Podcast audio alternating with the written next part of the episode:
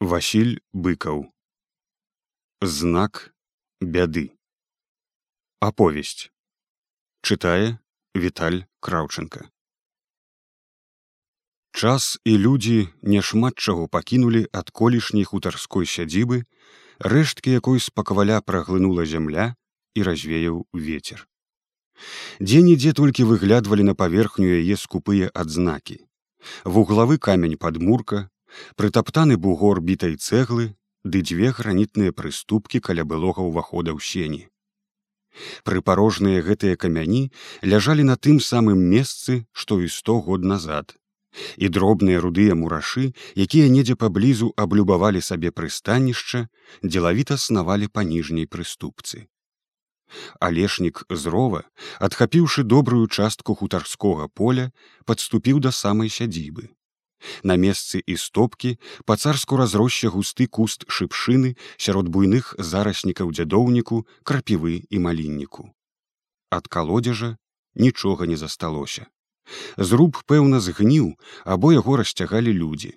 Вада, апынуўшыся без патрэбы, знікла ў глыбіні зямлі.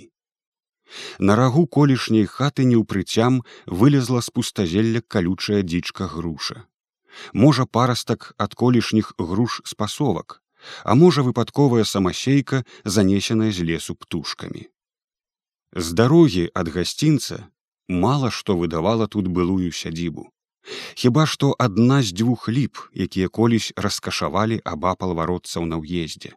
Другой даўно не было, а гэтае, што засталася, мела жахлівы выгляд, абгарэлая і аднабокая з тоўстым каржакаватым камлём у якім зеўрала шырокая шчыліна дупла.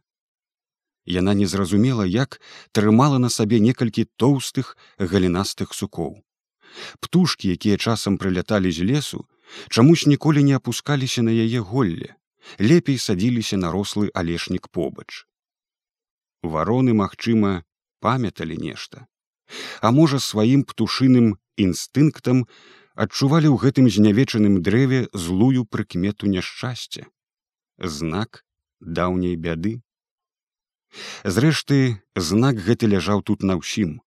На скупых рэштках сядзібы зарасніках дзядоўніку і крапівы якія буйна раскашавалі ў спакоі на самазадаволенай непрыступнасці калючай шыпшыны і нават мізэрнай з пакручастым голлем дзіцы і толькі маладая тоненькая ліпка, што зусім нядаўна выкінула да сонца лічаныя свае лісточки у сваёй безабароннай адвазе, здавалася госцей з іншага свету, увасабленнем надзеі і другога інакшага жыцця. Напэўна, ўсё астатняе належала тут мінуламу, з каронаму тленам і небыццём. Усё, апроч непадуладнай часу, цярплівай і негаваркой чалавечай памяці.